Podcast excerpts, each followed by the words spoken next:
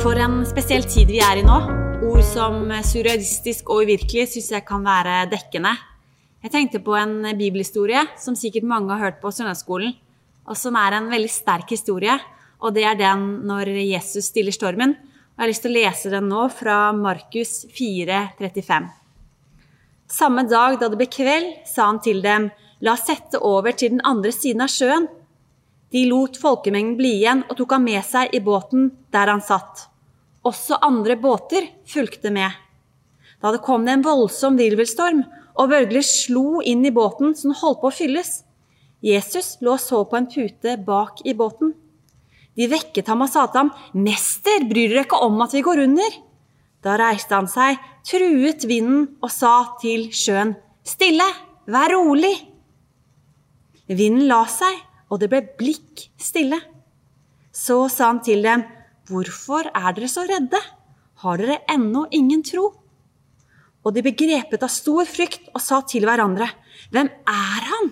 Både vind og sjø adlyder ham. Jeg har vært ved Genesaretsjøen, og da ble jeg fortalt at pga. de fjellene som ligger rundt, så kan det komme plutselige vindkast på denne sjøen og gjøre at det kan være helt stille, og så plutselig så blir det storm. Rundt oss nå så er det en storm.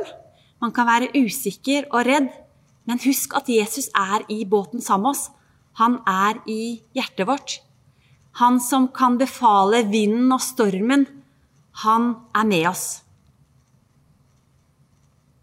Det står også at de ble grepet av stor frykt. Jeg tror ikke det var sånn redsel, men mer en sånn begeistring over hans storhet.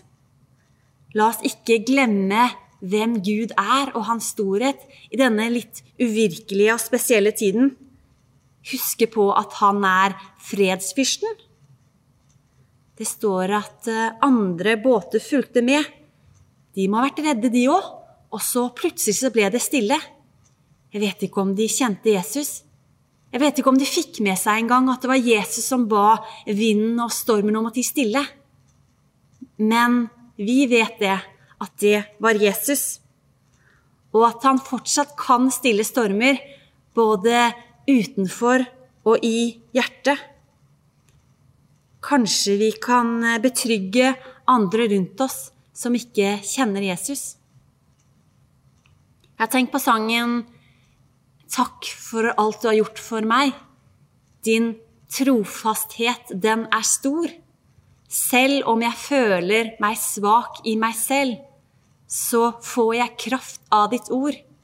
For du er klippen som alltid står fast, selv om det stormer omkring. En venn la ut disse bibelversene for noen dager siden på Facebook. Det er fra Filipperne 4,6. Vær ikke bekymret for noe, men la i alle ting bønneemnene deres komme fram for Gud i påkallelse og bønn med takk og Guds fred, som overgår all forstand, skal bevare deres hjerter og deres tanker i Kristus Jesus. Fredag morgen så våkna jeg sånn eh, halv sju, og så hørte jeg Alma prate innpå rommet sitt. Og når jeg hørte litt nøyere etter, så var det en bønn som hun ba. Og jeg har lyst til å lese den bønnen for dere. Så ber jeg om at de som har koronaviruset, at du skal velsigne de og gjøre de friske. Jeg ber om at koronaviruset skal bli borte i Norge og i alle land. Ja, kjære Jesus, jeg ber deg om at eh, folk skal eh, se at du lever i denne tida også. At de skal søke deg, at de skal oppleve og kjenne at du er fredens gud, at du er fredsfyrste. Må du velsigne landet vårt og alle land i verden, Jesus, i denne helt spesielle tida som vi er i nå. Takk for at du går med oss, far. Takk for at du er trofast. I Jesu navn. Amen. Vi måtte jo sende igjen våre folkehøyskoleelever eh, her på torsdag og fredag. Og da var det en elev som hadde malt og skrevet på et eh, bilde som hun leverte til eh, oss ansatte før hun dro. Og på det så står det Kjære Gud, jeg har så mye å si deg at det vil ta tid. Har du tid? Er det noe Gud har, så er det tid. Er det noe han ønsker, så er det å bruke tida sammen med deg og sammen med alle menneskene på jorda. Gud velsigne dagen din og uka som kommer.